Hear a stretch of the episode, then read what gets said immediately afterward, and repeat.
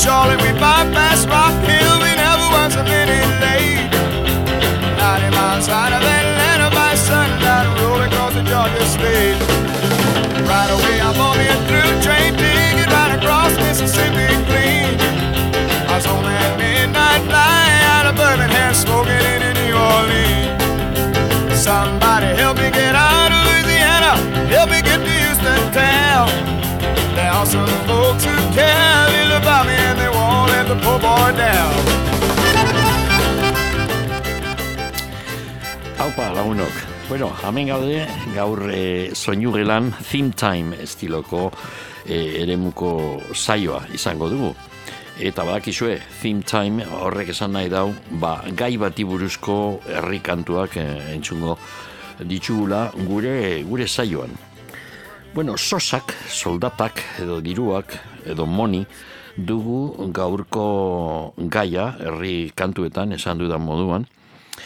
Eta bueno, kontua da nabil, bueno, ba, bukatu barria, Bob Dylanek idatzitako liburu barria, e, zera, The Philosophy of Modern Song, eta liburu horretan berak hartzen e, aukeratu ditu eta zei kantu, eta e, kantu bakoitzari e, egiten dio komentario bat, e, azalpen bat, zuzen kantuari buruz, baita kantuak iradokitzen eh, dion kontuak, horrezeatik The Philosophy of Mother Song agian. Oso liburu entretena, entretenigarria eta benetan gomendagarria. Momentu ingeles ez, besterik ez dago, baina imaginatzen dut beste hizkuntzetara itzuliko da. Bueno, kontua da, liburu horretan pasaden oin bihazte. Egon nintzen irakurtzen, e, Elvisek grabatu zuen Money Honey kantua eta ba mm, Dylanek e, idatzi zuen e, gustatuko litzaiokela berari izatea zentimo bat berak ezagutzen e, duen ba diruari buruzko kantu mm, bakoitzaren gatik eta eta egie da e, mm, ibili nintzen topatzen kantuak eta ahalegin handia egin barik egin nuen zerrenda bat berreun kantu, kantuekin, baina ba, daos milaka esango nukenik.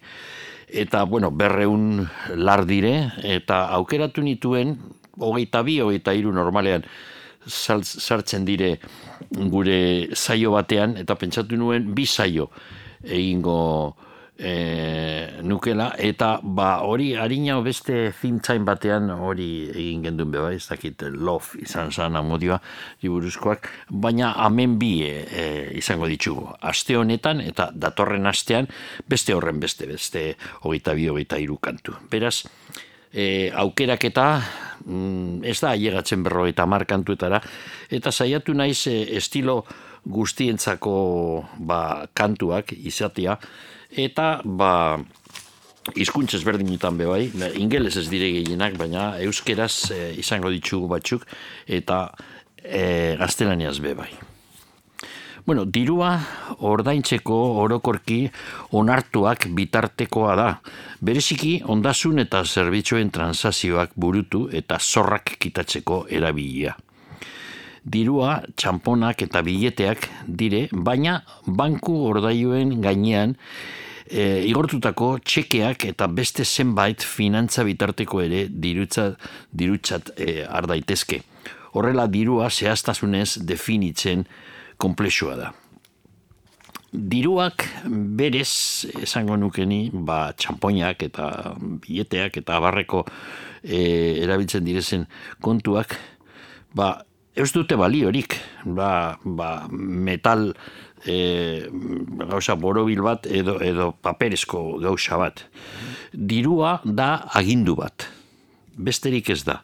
Hor jartzen dau, ba, berrogeita mar euro esate baterako, eta hori da, ba, banku batek, kasu honetan Europako banku zentralak, agindu egiten duela, papel horrek, e, papel zati hori, berrogeita mar euroko balio. Baina, berrogeita mar euro zer dire? Berrogeita mar euro orain ba, hogei urte euro e, e, zera, asmatu zenean, e, hasi zenean erabiltzen, ba, zuen balore bat, gaur egun beste balore bat. Orain hogei urte erosten genuena berrogeita mar euroekin, eta gaur erosten duguna berrogeita mar euroekin ez dauka eser ikusirik. Eta are gehiago, inflazio ikaragarrizko prozesu batean gabiz, eta horrek esan nahi dau, orain hilabete batzuk balio zuena gaur ez du balio hori. Beraz, nik esango nuke dirua ilusio bat da, besterik ez.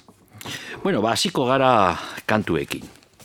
Eta mm, lehen aipatu dut Dylanek eh, aukeratu zituen kantuen artean Elvis Presleyek grabatu zuen Money Honey kantua e, atal horretan komentatzen zuen zenbat kantu e, dauzen e, diruari buruzko eta horrezegatik aukeratu dut kantu hori abiatzeko.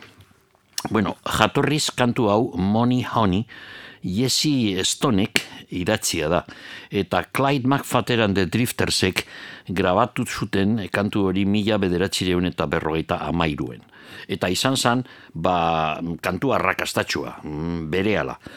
E, beranduago, mm, Elvis Presleyek, hiru urte beranduago, mila bederatzireun eta berrogeita amaseian egin zuen bere berzioa.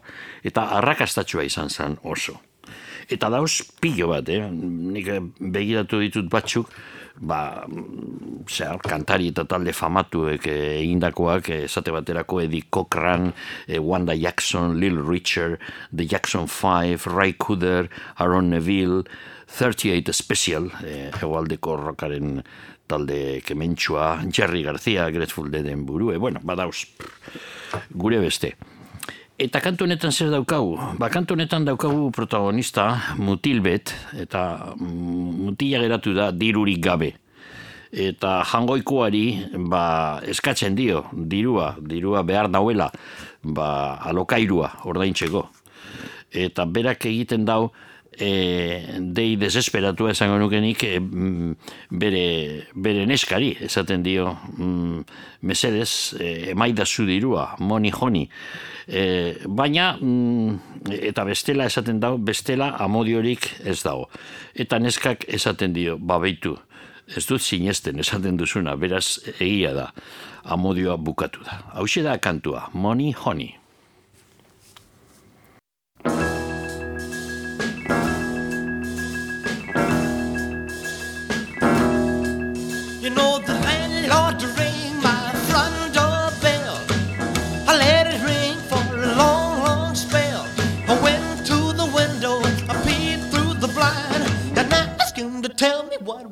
On, on his. He said, Money, honey, money, honey, money, honey, if you want to get along with me. Well, I screamed and I hollered, I was so hard pressed. I called the woman that I love the best. I finally got my baby by like to know what you want with me. I said, Money, honey, money, honey, money, honey. If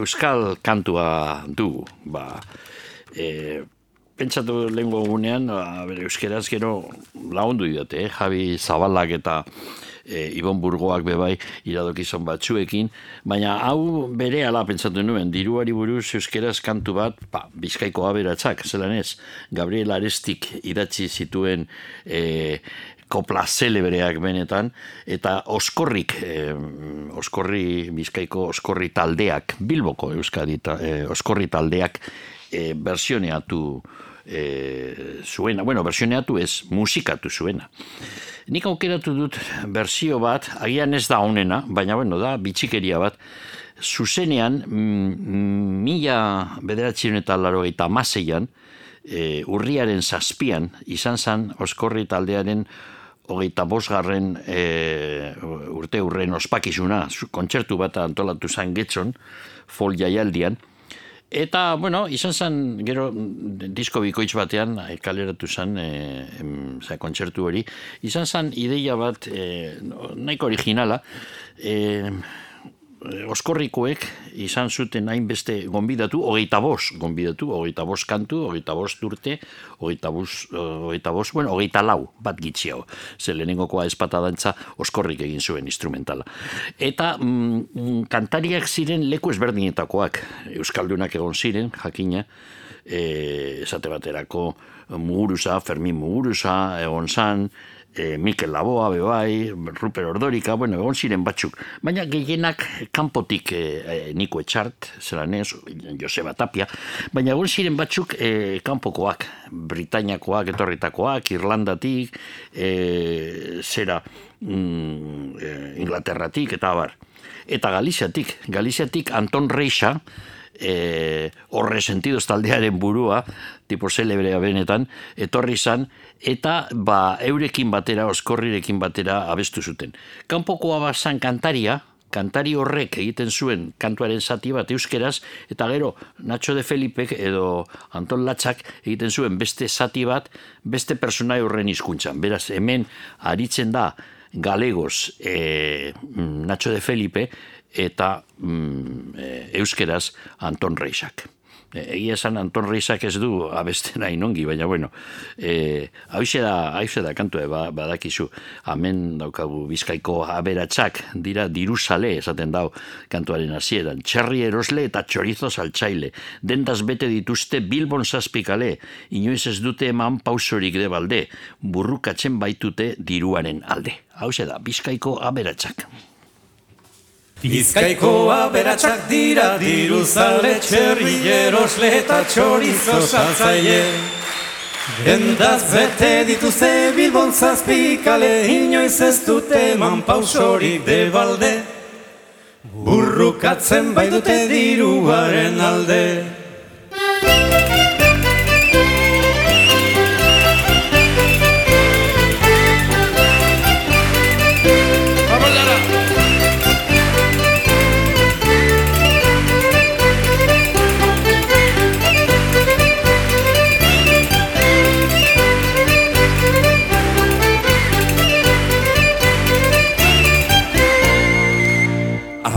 Arratiko gizona bilbora doa maiz Lemoako tranbian eta beti garaiz Beren artean dio umore txitalaz Traje berri batekin gaur biztituko naiz Lehenko arlotea jantziko da galaiz Iraiko zieta dendari guztia Zaharrak geldi eta korrikan gaztia Saldu naiz dizkiote makailu guztia Gau erdiko izarrak eta eguzkia.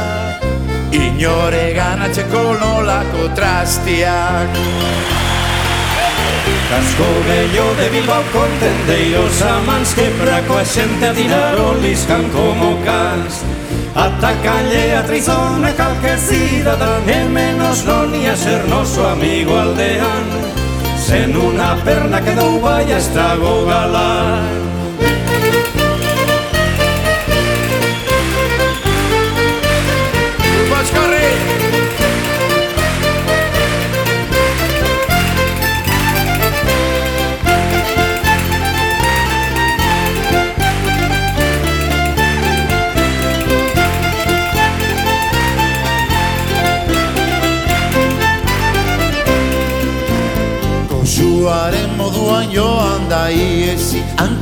bakar batekin baliteke bizi.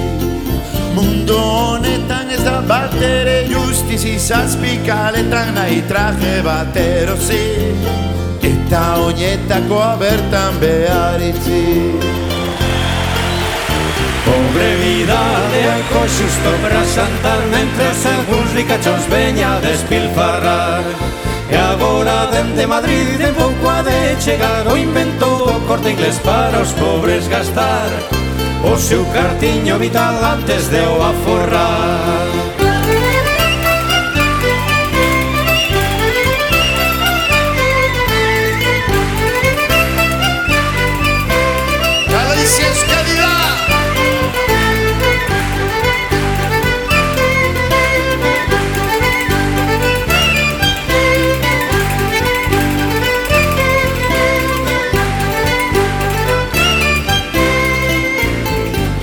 Ez bertan sartu euskal. Dun maitia zabalik badaukazu bertako atia. Galdu Koduzu eta bigarren ankia Bai eta bide batez zure.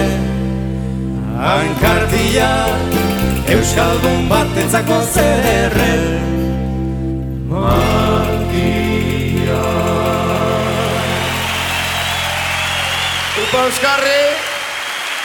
Anton Reixa. Takepa Junkera ere. Itu, hor, kepa junkera be, ba, eskusoinua jo, jotzen zuena kantu horretan. Garai hartan askotan ibiltzen zen oskorriko ekin. Bueno, e, urrengokoa, estatu batuetako kantu bat dugu, Steve Miller, e, mendebaleko kostaldean sortu zuen taldea, blues, blues rock, psikodelia puntutxu bet be, bazuen Steve Miller bandek, Eta gero Steve Miller aldatu, aldatu zuen bere, bere estiloa, pitxin bat, eta ba, irurogeita amarreko amarkadan, e, zera, pop musikara urbildu zan nola bait, e, pop rock musikara.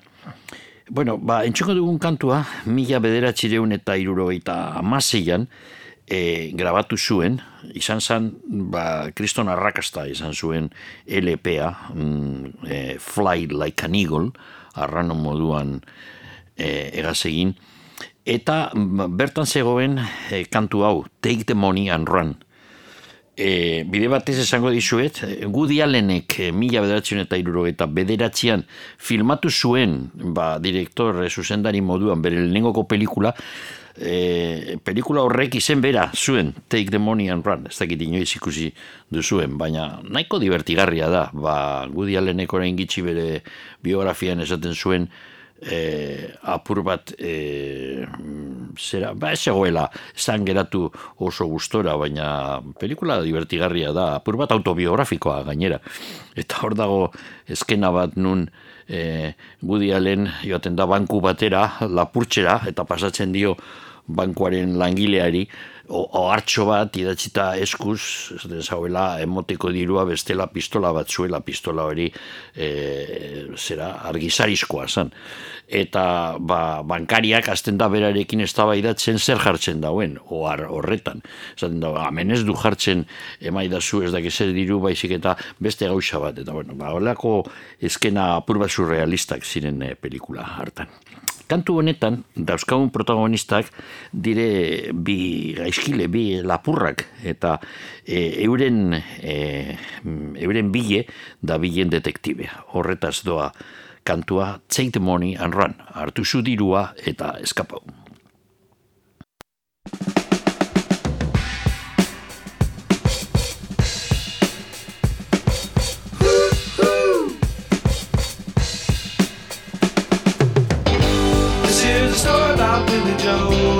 And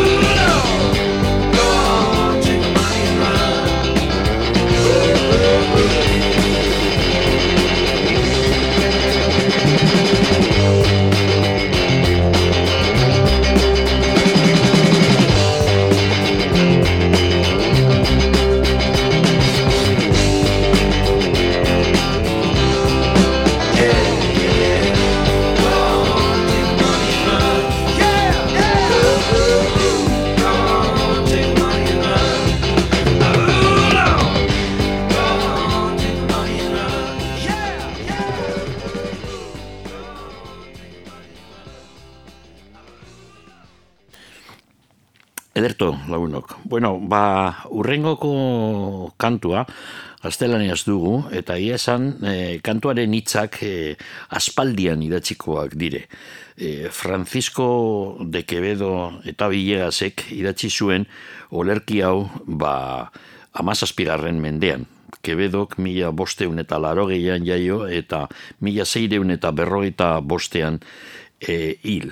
Mm, Osea, ba, idazle garrantzitsua eh, esaten dute, ba, adituek esaten dute, berak finkatu egin zuela gaztelania eh, modernidadean eh, hizkuntz literario moduan. Ba, azularrek egiten zuen moduan euskararekin eta e, mende berean gainera eta ba txoserrek asko sarinago ba amairugarren mendean egin zuen ingelesarekin ba kebedok egin zuen horren beste gaztelaniarekin beraz irakurtzen duzu testu bat, olerki bat, orain entzungo duguna, kantu batean, eta ba, ba, badeko tapur bat e, sintaksia, baina oso, oso modernoa ba, ulert, ulertzen da guzti. Zapur bat harinago, gaztelania asko zaharragoa zan, eh? eun urte harinago askoz gatzagoa zan ulertzea e, izkuntzori. Bueno, ba, Paco Ibañezek, agizu Paco Ibañez eh, handiak eh, egin zuen berzio hau, Paco Ibañezek eh, egin zituen hainbeste olerki klasikoak, mende ezberdinetakoak, eh, gaztelaniazko, eta eh, olerki klasikoen eh, berak musikatzen zituen eta arrakasta handia izan zuen. Paco Ibañez gorostiri. Ze Paco Ibañezen ama e, gipuzkoarra esan. Eta Paco Ibañez bederatzi urte, mila bederatzi eta hogeita emeretzitik bere aita republikarra izan da, joan behar izan zan beste aldera. Eta bera bizi izan adunako baserri batean, e, mila bederatzireun eta berrogeita sortxira arte. E, mm, gogoratzen naiz e, soinu gelan, orain pf, ez dakit e, osea, ba, sabi monasteriorekin e, egiten genuenean e, soinu gela, elkarrizketatu genuen telefonoz e, Paco Ibañez izin zan, ba, Paco Ibañezek kaleratu zuen disko bat e, guztiz e, euskeraz, kantu guztiak euskeraz, eta e, hitz egin genuen berarekin eta euskeraz egin genduen elkarrizketa ba ondino e, Paco Ibañezek e, berak esaten zauen traketx eta ez dakiz zer baina bueno egin genduen elkarrizketa euskeraz. Bera erdi euskaldun edo euskalduna egia esan daukagun kantaria Paco Ibañezek orain ba arinduko da e, kantu honekin badakizue e, e, poderoso caballero ez don dinero du izena a, kantu hau. Esaten estrofa batean, zati batean, nace en las Indias honrado, donde el mundo le acompaña, viene a morir en España y es en Génova enterrado. Y pues quien le trae al lado es hermoso, aunque sea fiero, poderoso caballero, es don dinero. Hau se da Paco Ibañezen kantua.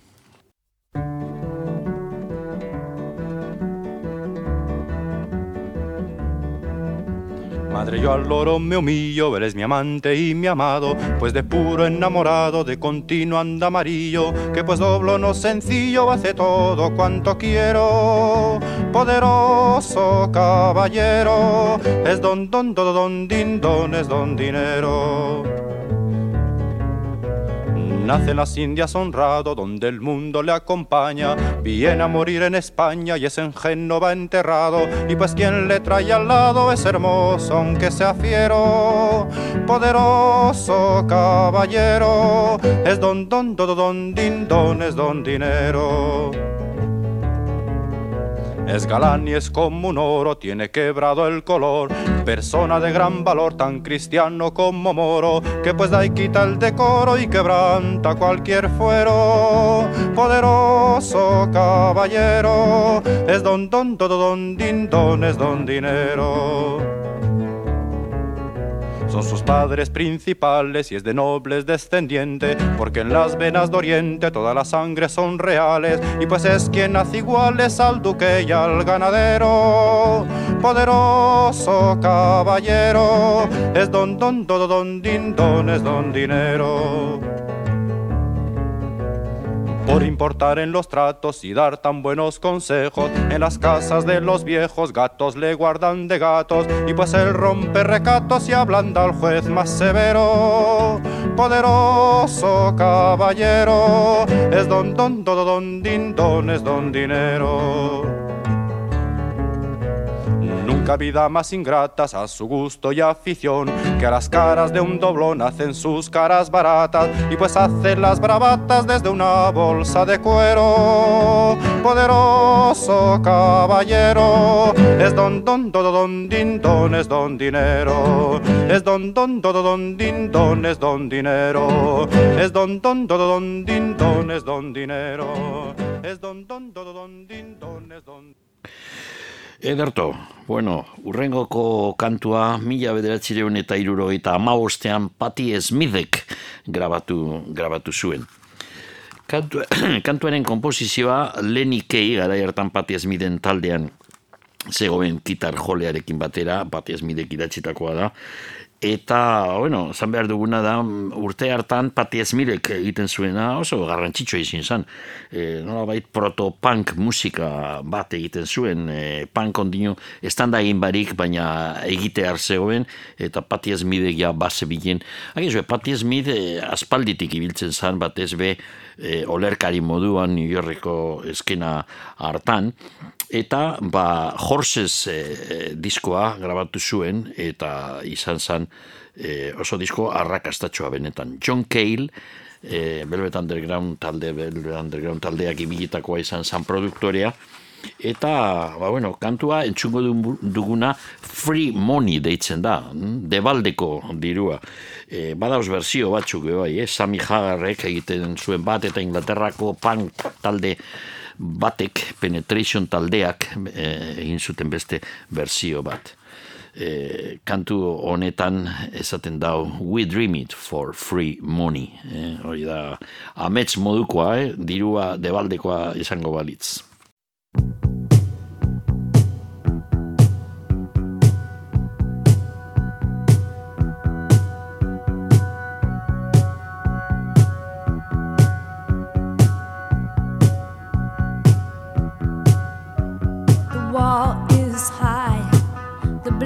on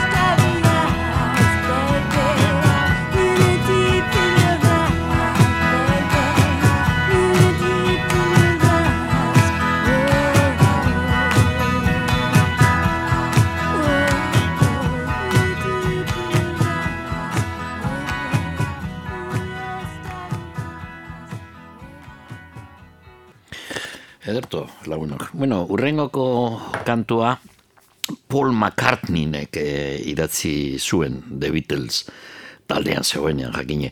A Hard Day Night izin zan eh, Richard Lesterrek eh, zuzendu duen luzemetraia, pelikula, ba, eta mm, banda sonora kantuak pelikula horretarako, hori izin zan nik uste dut lehenengoko The Beatlesek egindako lehenengoko mm, lan maizua benetan, harina ba, zituzten beste pare bat hiru grabazioak, LPak, berzio askorekin, baina mm, Hard Day's Night, eh, Hard Day's Night grabatu zutenean, ba, hor dauzen kantuak ja, ba, lan maizuak dire banan, banakoa. E, entzuko dugun kantua, e, Can't Buy Me Love, diruak ezin nau erosi edo, e, eurek grabatu zuten Parisen, gauza bitxie, baina kontua da, urtarrilean, ibili ziren Parisen, eta amazortzi egun jarraian, egin zuten egunero, Olimpia areto famatuan, e, kontzertu bat, eta beraz kantu hau grabatu zen e, urtarrilaren hogeita bederatzean, mila bederatzen eta irurogeita lauean, e, Parisen bertan eta single bat izin zan, e, oso arrakastatsua, bai e, Europan, bai estatu batuetan urte hartan, ba, otzaian joan ziren lehenengo aldiz estatu batuetara, eta, bueno, ba, jaia zabaldu zan mundu osorako. E, mila bedatzen eta iruro eta lauan, eta bostean, bi urtetan, e, gero mm, urrengo kurtean ja ez, baina bi urte hauetan beti e, kontzertu guztietan zuzenean kantu hau egiten zuten. Hau bihurtu zen ezinbesteko kantu bat e, talde honentzat eta e, gero ja ez iruro zeian ez zuten e, kantu hau egiten zuzenean, beste ja disko ba, batzuk kaleratu ziren eta aldatu zen kantutegia zuzenean, eta gero, bueno, urrengo kurtean ja azkenengo kontzertuak izan ziren, eta hortik aurrera, zuzenean inoiz ere, ez ziren aritu, ez bazan ja taldearen bukaeran, teiatu batean e, Londresen, Abbey Road estudioaren teiatuan, e, Get Back eta Don't Let Me Down kantuak e, egiteko.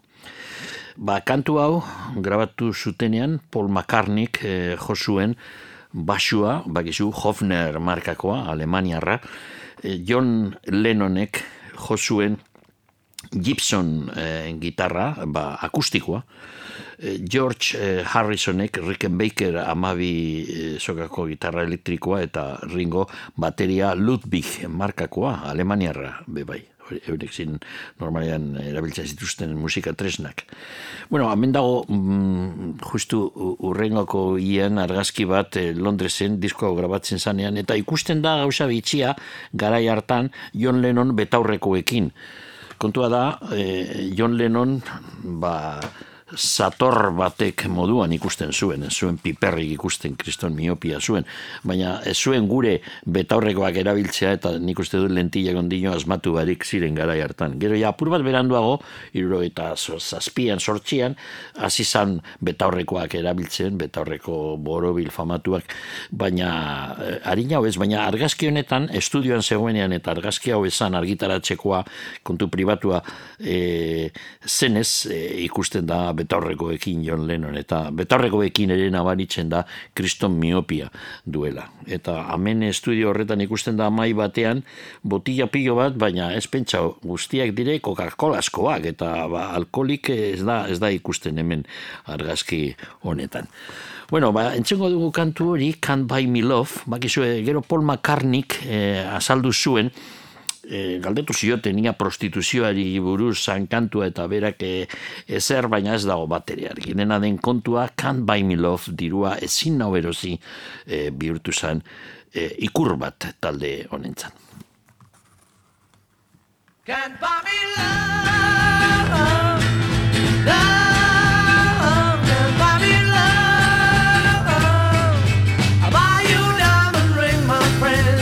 makes you feel alright.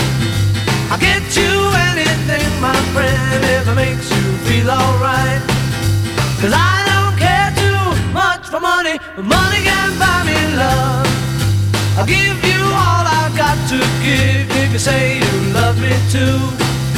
I may not have a lot to give, but what I got I'll give to you.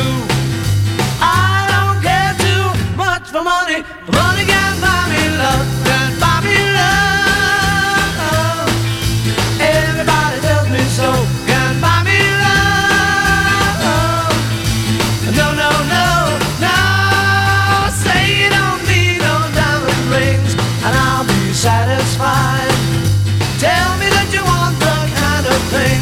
money just can't buy. I don't care too much for money.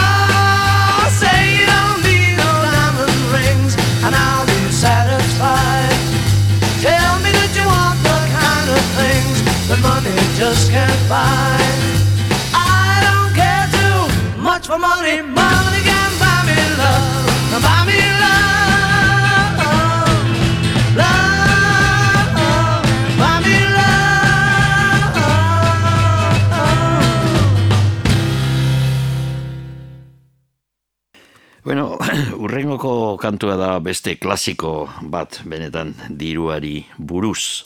Kantu hau Money, That's What I Want, dirua, horixe da, gure dodana. Izin zan hit handi bat, mila bederatzen eta berrogeita emeretzian, e, Barrett Strongek e, grabatu egin zuen Tamla Motown, Detroitko Tamla Motown e, diskoetxerako. Berri gordi, e, Berri Gordik komposatu zuen kantua, Berri Gordi izan Tamla Motown e, burue, e, jabea. Bueno, kantu, kantu hau izan da oso versioneatu da, eh? e, e, musika e, historian. E, badauz bersioak milaka esango nuke ni, The Rolling Stonesek, Buddy Gay, Roy Orbison, Cliff Richard, eh, Rolling Stonesen esan dugu Led Zeppelin, The Doors, eh, Jerry Lee Lewis, The Supremes, Smashing Pumpkins, bueno, ba, dago zerrenda luze luzea. Kantu honetan esaten dute hasieran. Munduko gauzarik eta onenak debaldekoak dire. Baina emonaldizkiezu txoriei eta erlei. Nik dirua behar dut, hori da behar dudana. Hau da kantua.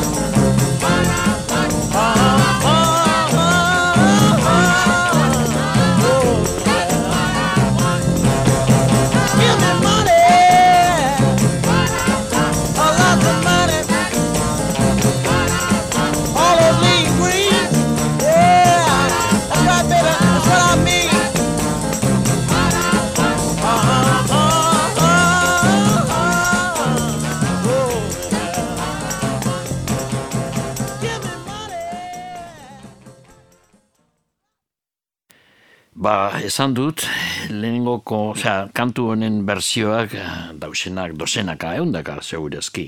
Eta ipatu ditu batzuk. Orain entzungo dugu bat, bat bakarrik. Eta izan behar da, The Beatlesena, jakine.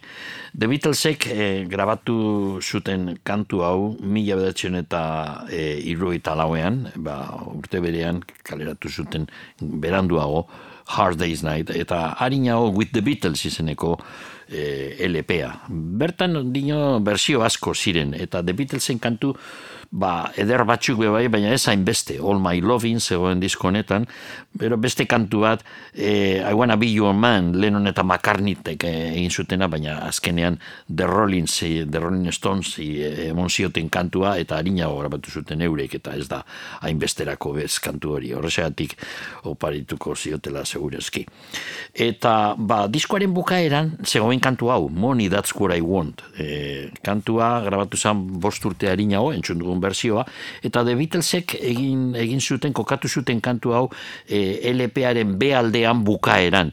Eta kantu garrantzitsua izan zen, garai hartan e, The Cavern e, Liverpoolen e, zera, areto horretan famatua, beti jotzen zuten kantu hau, Twist and Shout eta hau ziren derrigorrezko berzioak. Eta, bueno, Moni kantu hau, Jonek, John Lennonek egiten zuten, ba, oiukatzen zuen ia ia e, itzak, e, itz gordinak kantuarenak eta George Harrison eta Paul McCartney egiten zuten kantu, kantu honen ba, erantzuna, ba, esan eta erantzuna e, kantuaren modukoa denez. Hau da, The Beatlesen berzioa.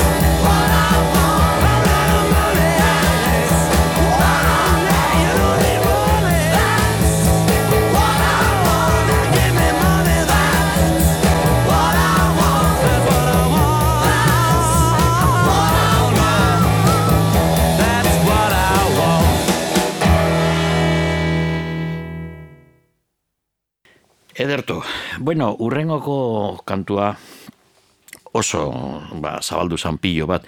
Eta pelikula batetik dator. E, pelikula hau, ba, mila bederatzen eta irurogeita amabian, izan zen e, musikal bat, e, zera, Bob Fossek, ba, zuzendu zuena, kabaret izenekoa. Lisa Minelli eta Joel Grey ziren protagonistak pelikulan. Eta e, bueno, pelikula honetan daukagun e, Berlinen gertatzen ari zana mila bederatzen eta hogeita amaikan e, e, naziek e, poterea hartzeko puntuan zirenean. Akizue, kapitalismo ekarri zuen fastismoa gara hartan eta batektaki berriro gertatzen ez, ez bada. E, dirua e, e, eragiten dio munduari buelta biraka ibilten hori esaten zuten e, eurek e, zera, Lisa Minelik eta Joel Grey kabare hartan kantatzen zutena Moni izeneko kantua Money makes the world go round, the world go round, the world go round. Money makes the world go round, it makes the world go round. Mark, a yen, a buck, or a pound is all that makes the world go round. That clinking, clunking sound can make the world go round. Money, money, money, money, money, money, money, money, money, money, money, money, money, money, money, money. Ooh, money, money, money, money, money, money, money, money, money. Ooh, money, tingling.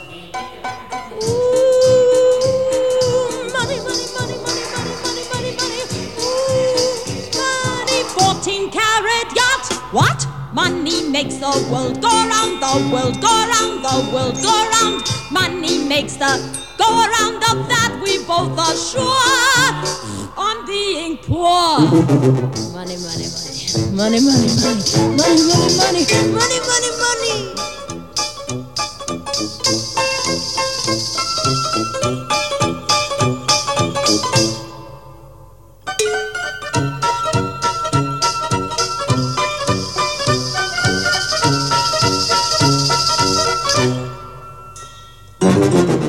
Money, money. Money, money, money. Money, money, money.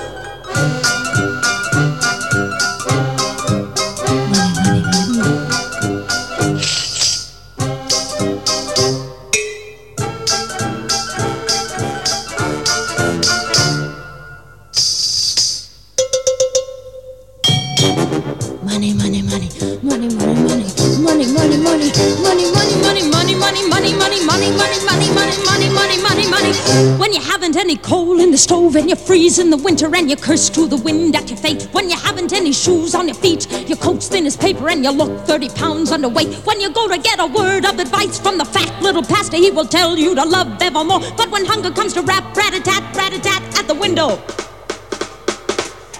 Who's there? Oh, hunger!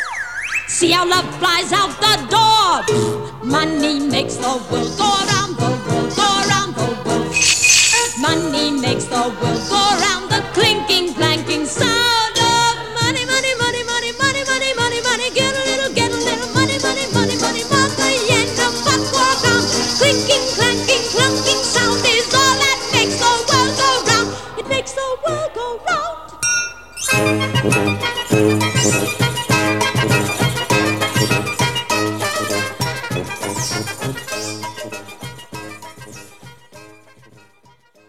Bueno, urrengoko, urrengoko kantua, mila bederatzen eta larogeita mazazpian grabatu zan, eta izan zan, Alaitz eta Maider bikotearen lehenengoko grabazioan zegoen abestia. E, Joseba Tapia izan zan produktorea, eta gero, bueno, musikari, Euskal Herriko puntako musikari asko ibili ziren grabazio horretan. Arrakasta itxela izan zuten Alaitz eta Maiderrek, eta diskoaren hasieran zegoen entzungo dugun kantua. E, Alaitz e, teietzeak egin zuen doinua, eta Jose Mari Karrere, e, berak e, ipuin kontalaria eta idazlea, berak idatzi zituen e, hitzak. Txampon baten truke da kantu hori. Bakizue, esaten dute kantu honen hasieran ezagutzen dut gizon bat kale kantoian jarrite. Ipuin harrigarria kontatzen dituena txampon baten truke. Hau da kantua.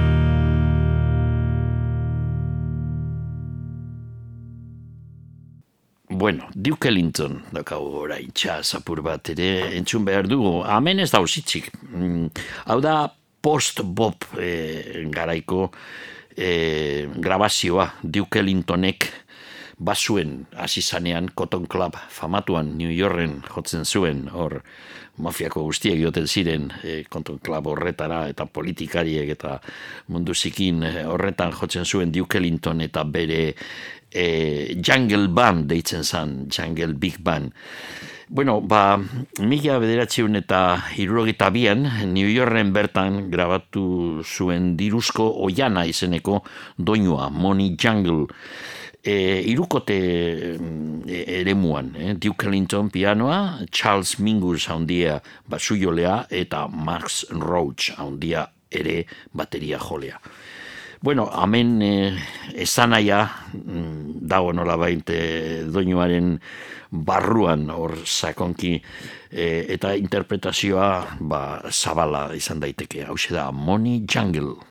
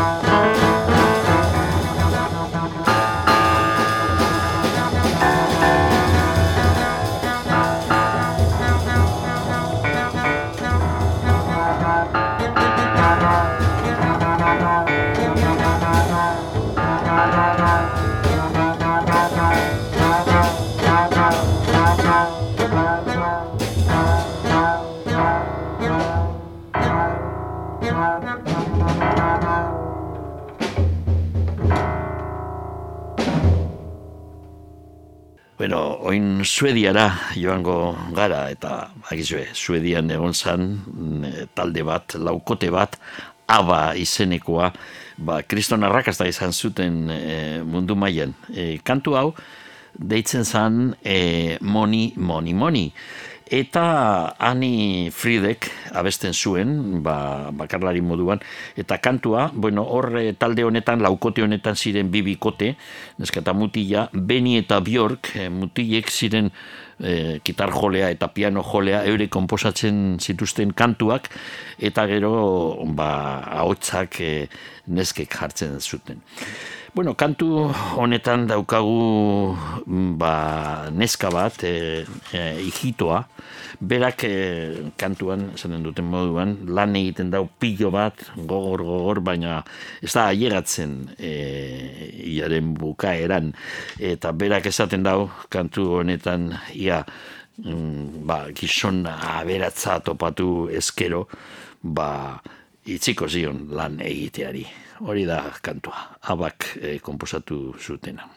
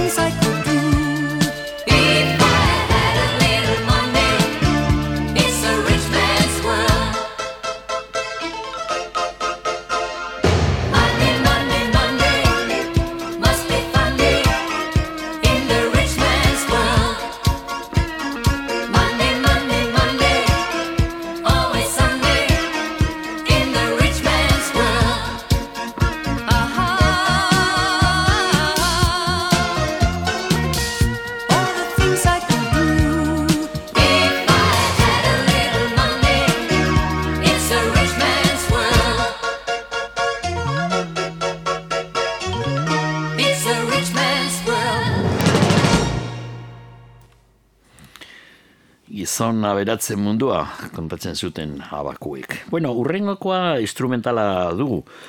E, Enio Morricone handiak komposatu zituen pelikuletarako banda sonorak e, historia New York baino gehiago esango nuke nik, ez dakit e, ze historia berreunera llegatu zanean e, Ennio Morricone izin zan, ez da bakarrik oso langiletsua baizik eta arrakasta itxela izan zituen e, bere musikarekin. Bueno, irurogeit irurogeiko amarkadan lan egin zuen Sergio Leone italiako zuzendariarekin, Sergio Leone handiak bebai. Berak asmatu zuen eh, genero bat, espageti western famatua.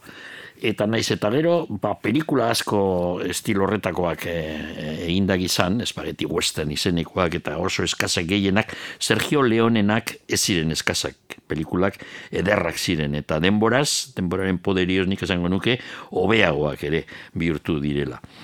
Sergio Leonek produzitzeko, filmatzeko pelikulak erabaki zuen, bere produktoreak erabaki zuen, Espainian askoz merkeagoa zan Italian baino. Beraz, Almeriako tabernas izeneko basamortuan egin zuten zeta handi bat, eta bertan, eta Kastillasko leku batzuetan bebai, e, grabatu egin ziren eskenak. Clint Eastwood izan zen protagonista, ba, hiru pelikuletan, ba, dolar, dolarreko, dolarra, dolarreko trilogia izenekoa. E, hiru pelikulak izan ziren, For a Fistful of Dollars, lehenengokoa, Bigarrena, for a few dollars more, hori da, gaztelaniaz izenak aldatzen ziren, eh, batzutan. Beraz, for a few dollars more bihurtu zan, eriotza prezio bat zuela. Eta hirugarrena The Good, The Bad and The Ugly, hori bai, eh? ona eh, zera txarra eta itxusia, hori izen berbera izan zuen. E, bueno, entzungo dugu zati bat bigarren eh, pelikula e, aipatu ditudan pelikuletan bigarrenean zegoen zati hau, For a Few Dollars More izenekoa. Hau da, mila bederatzireun eta irurogeita bostean grabatu.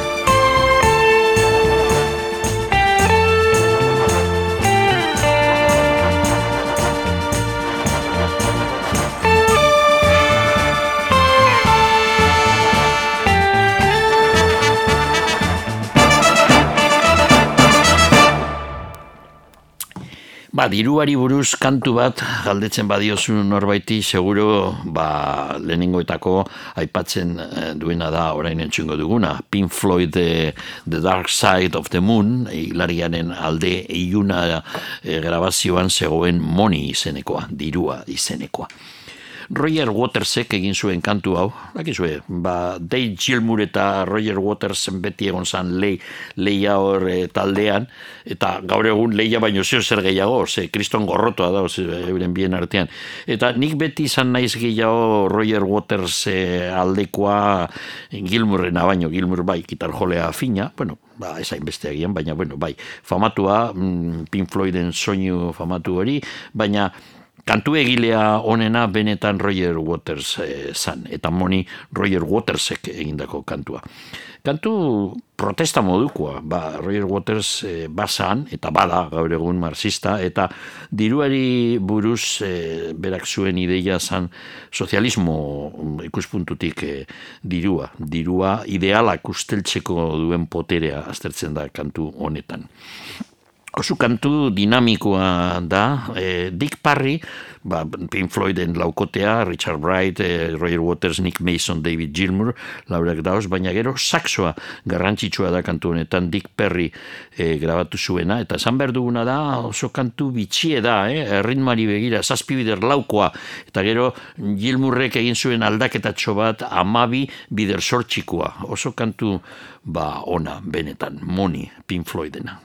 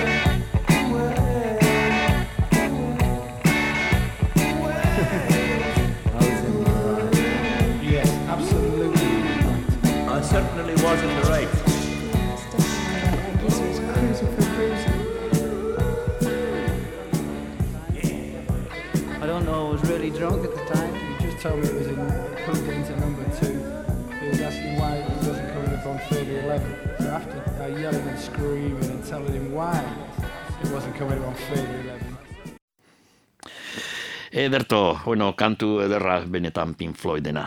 Ba, eskerterrak ziren batez be Roger Waters eta aurrengoko taldea Madrilgoa zan eta oso eskerterrak be bai, San Blas auzokoak ziren Obus izenekoak eurek grabatu zuten dinero dinero kantua mila bederatzen eta larogeita bian eta bueno, askotan Madrilen alderdi komunistaren jaietan hartzen zuten parte eh, emoten zuten kontzertuak.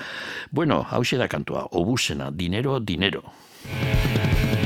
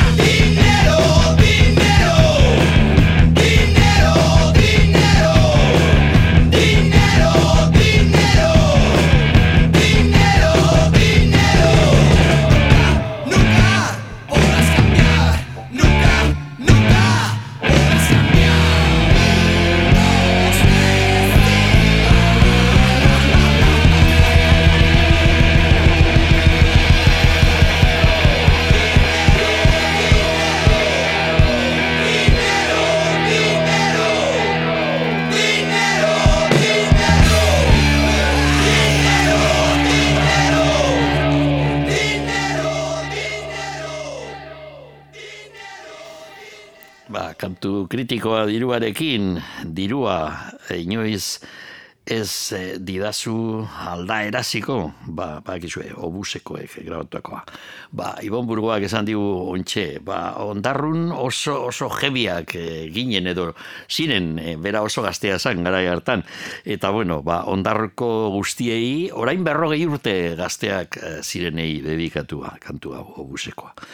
Bueno, urrengoko kantua King Crimsonena da. King Crimson taldea, Robert Fripp gitarjolearen taldea, e, aldaketa asko egon ziren taldean, e, Robert Frippek e, aukeratzen zituen musikoak, zaun ze musika nahi zuen e, egin disko bakoitzean, eta mila bederatzeron eta irurogeita amairuan Lars Tongs inazpik e, talderik eta onenetakoa izan zen grabazio hori. Eta bertan zegoen kantu bat e, Isimoni izenekoa, diru erreza.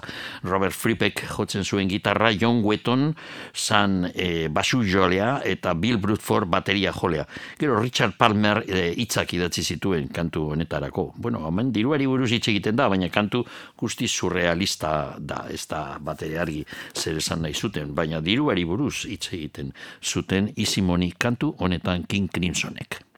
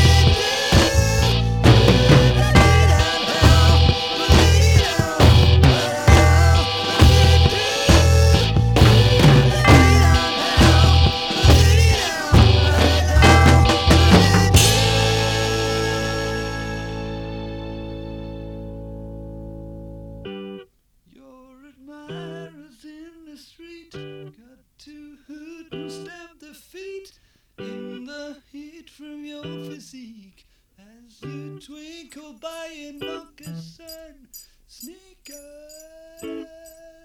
And I thought my heart would break when you doubled up the steak with your fingers all a shake. You could never tell a winner from a snake.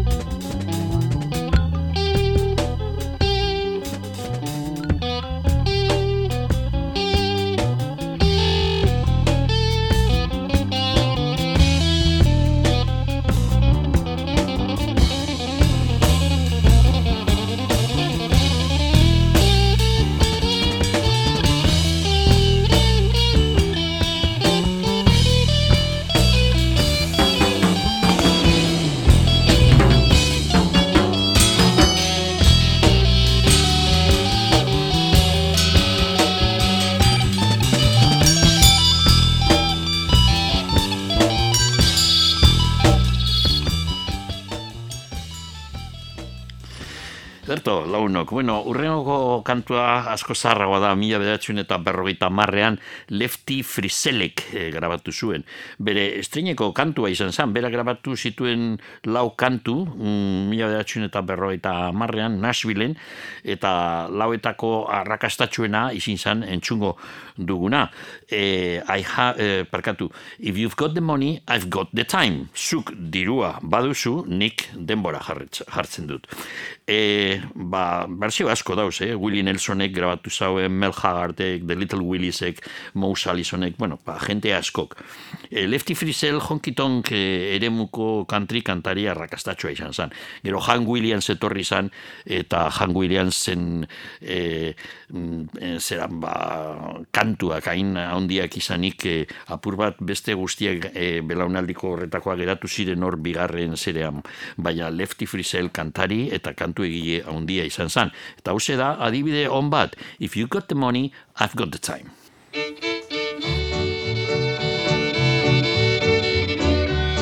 If you got the money, I've got the time. We'll go honky tonkin' and we'll have a time. We'll make all the night spots, dance, drink beer and wine. If you got the money, honey, I've got the time.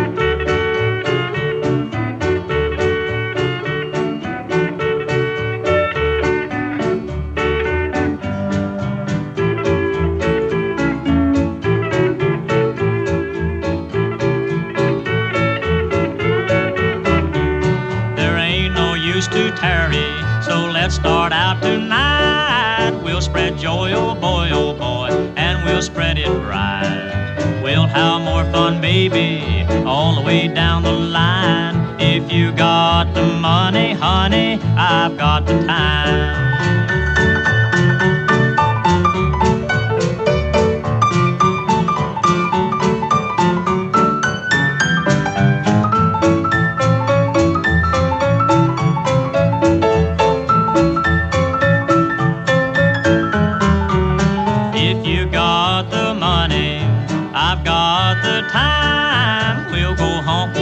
Tonkin' and we'll have a time. Bring along your Cadillac, leave more wreck behind. If you got the money, honey, I've got the time.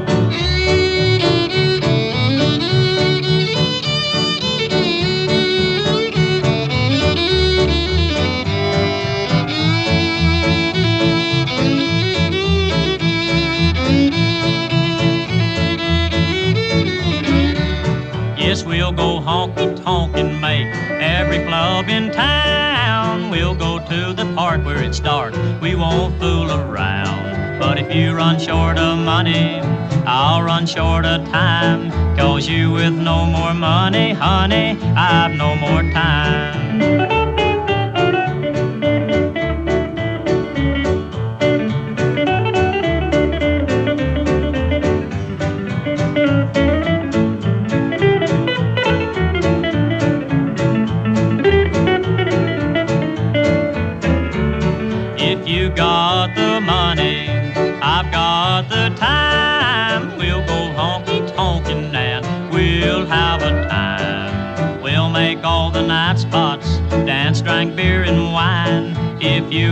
Got the money, honey, I've got the time. Ah, Azo kantari handia zan er Lefty Frizzell.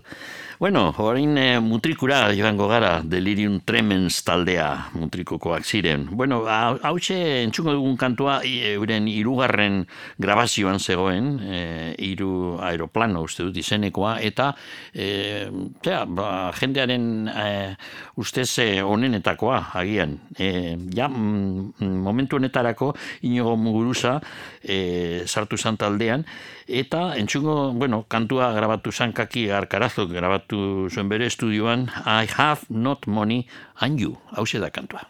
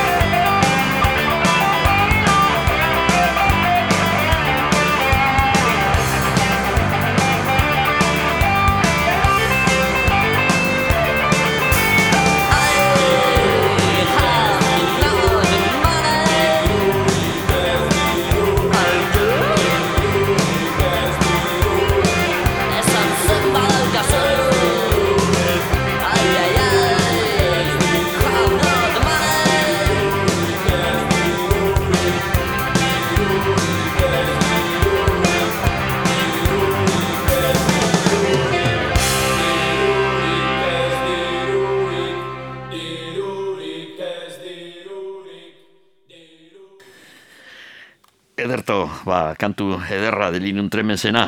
Bueno, urrengokoa mila bederatzireun eta larogeita, bez, parkatu, mila bederatzireun eta irurogeita amazortzian Warren Sivonek, Warren Sivon haundiak grabatu zuen.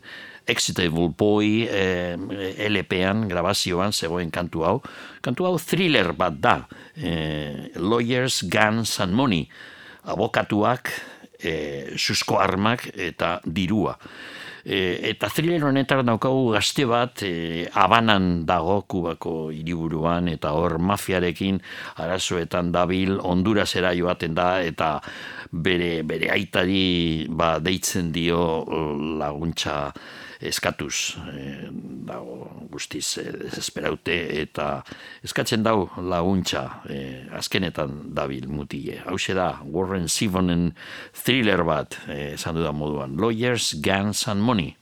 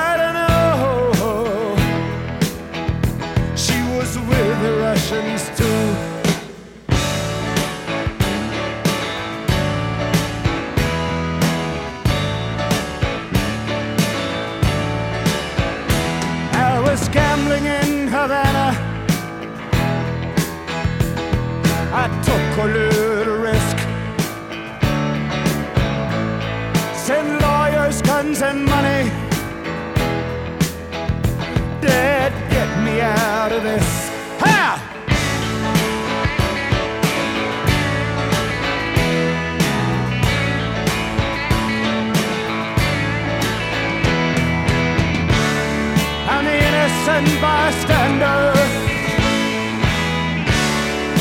Somehow I got stuck between the rock and the hard place,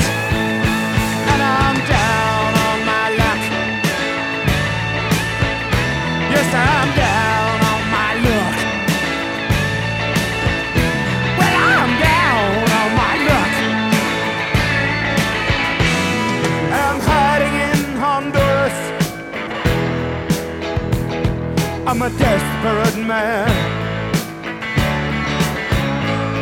Send lawyers, guns, and money.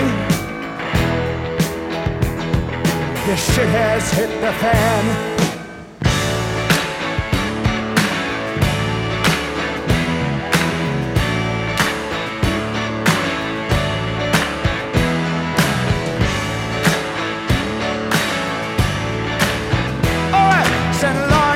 Guns, and money.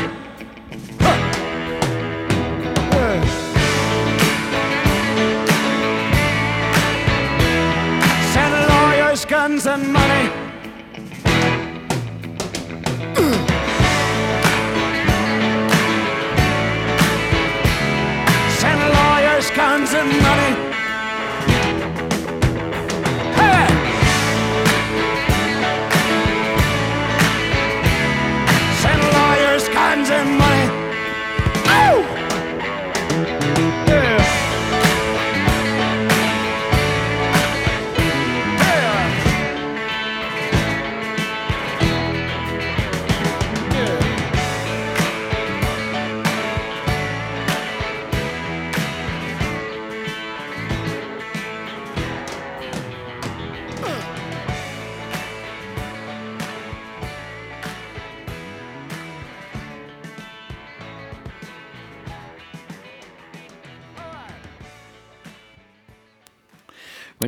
Urrengoko kantua Filadelfian grabatu zen. Ba, soul e, moderno estilo baten, eremu baten grabatzen zen Filadelfia. Gambel eta Jafek komposatutako kantua, eurek ziren e, kantu egileak e, normalean, eta talde hau de OJs izan ziren. Mila bederatzireun eta irurogeita malauan egin zuten kantu hau For the Love of Money, diruaren amodioagatik. E, LP-an zazpi minutukoa zan, baina gero kaleratu zuten Ship Ahoy zan e, zera LP hori. Gero kaleratu zuten single e, e, formatuan e, iru minututa pikukoa, eta hori da entzungo duguna. Kantu hau bihurtu zan, irurogeita amarreko amarkada, aspaldiko amarkada hartan, kantu oso esanguratsua. Estatu batuetako telebistan zegoen reality show naskagarria de Apprentice izenekoa, eta aurkezle bat e, zan, gero zoritzarrez oso ospetsua bihurtu den Donald Trump. Beraz badu harreman bat Donald Trumpekin kantu hau For the Love of Money, ez da e, arraroa izena, kantuaren izena. Bueno, hau da For the Love of Money,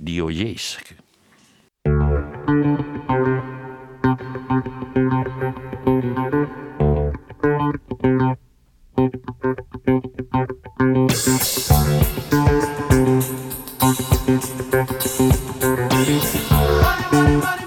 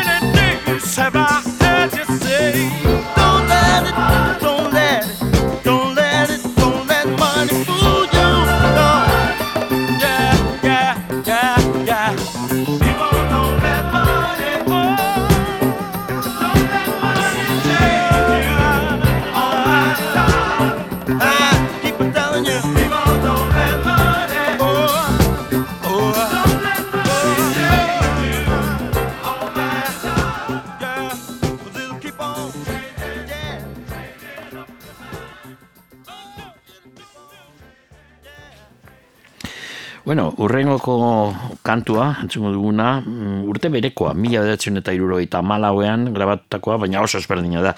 E, Grateful Dead, eh, San Franciscoko taldeak grabatu zuten LP bat from The Mars Hotel, eta bertan zegoen Moni Moni izeneko kantua. Hau da.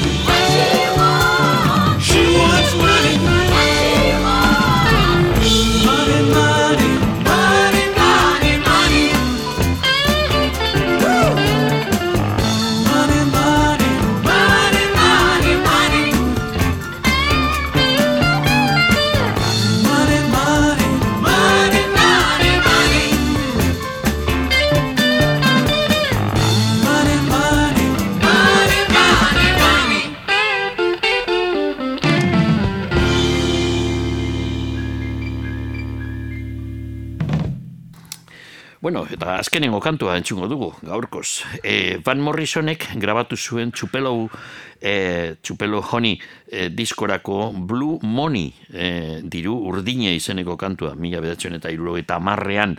Blue Money, Blue Monday, Fats Dominok kidatzi zuen beste kantu bat, ba, zegoen harremanen bat. Hor, e, tupelo honi esan dut, baina ez da egi. E, Van Morrisonen a, e, His Band and the Street Choir e, LP-an zegoen kantua. Bueno, arrakas datxoa izan zen, eh? Blue Money kantua Van Morrisonen txat, eh? zuzenean beti jotzen zuen. Eta badago mm, lotura bat bai lehen entzun dugun Lefty Frizel, Frizelen kantuarekin, if you got the money, I've got the time. Hemen be badago lotura bat dirua eta denboraren artean. Hau da, Blue Money, Van Morrison. Photographer smile, take a break for a while, take a rest, do your very best, take five money.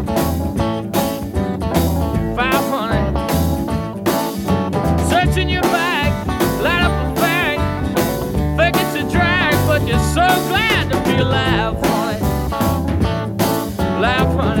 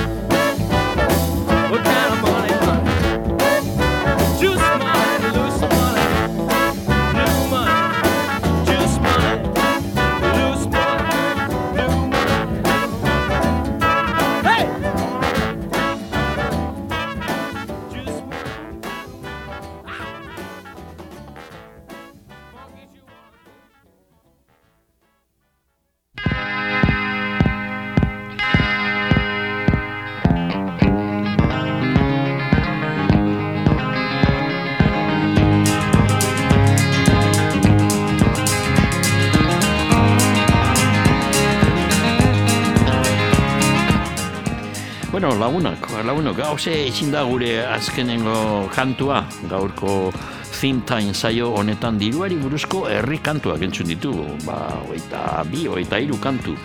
E, zeintzuk izan dire taldeak eta bezlariak, ba, Elvis Presley, Oskorri Anton Reisarekin, Steve Miller Band, Paco Ibanez, Patti Smith, The Beatles, The Beatles berriro, Barrett Strong, Lisa Minelli eta Joel Grey, Alaitz eta Maider, Duke Ellington, ABBA, Ennio Morricone, Pink Floyd, Obus, King Crimson, Lefty Frizzell, Delirium Tremens, Warren Zevon, The OJs, The Grateful Dead eta Van Morrison. Bueno, ba, datorren astean, hasieran azaldu dugun moduan, berriro egingo dugu beste saio bat, beste irratzaio bat, beste soinugela bat, diruari buruzko beste hogeita bi edo hogeita hiru kanturekin. Datorren astera arte, ondo ibili eta agur.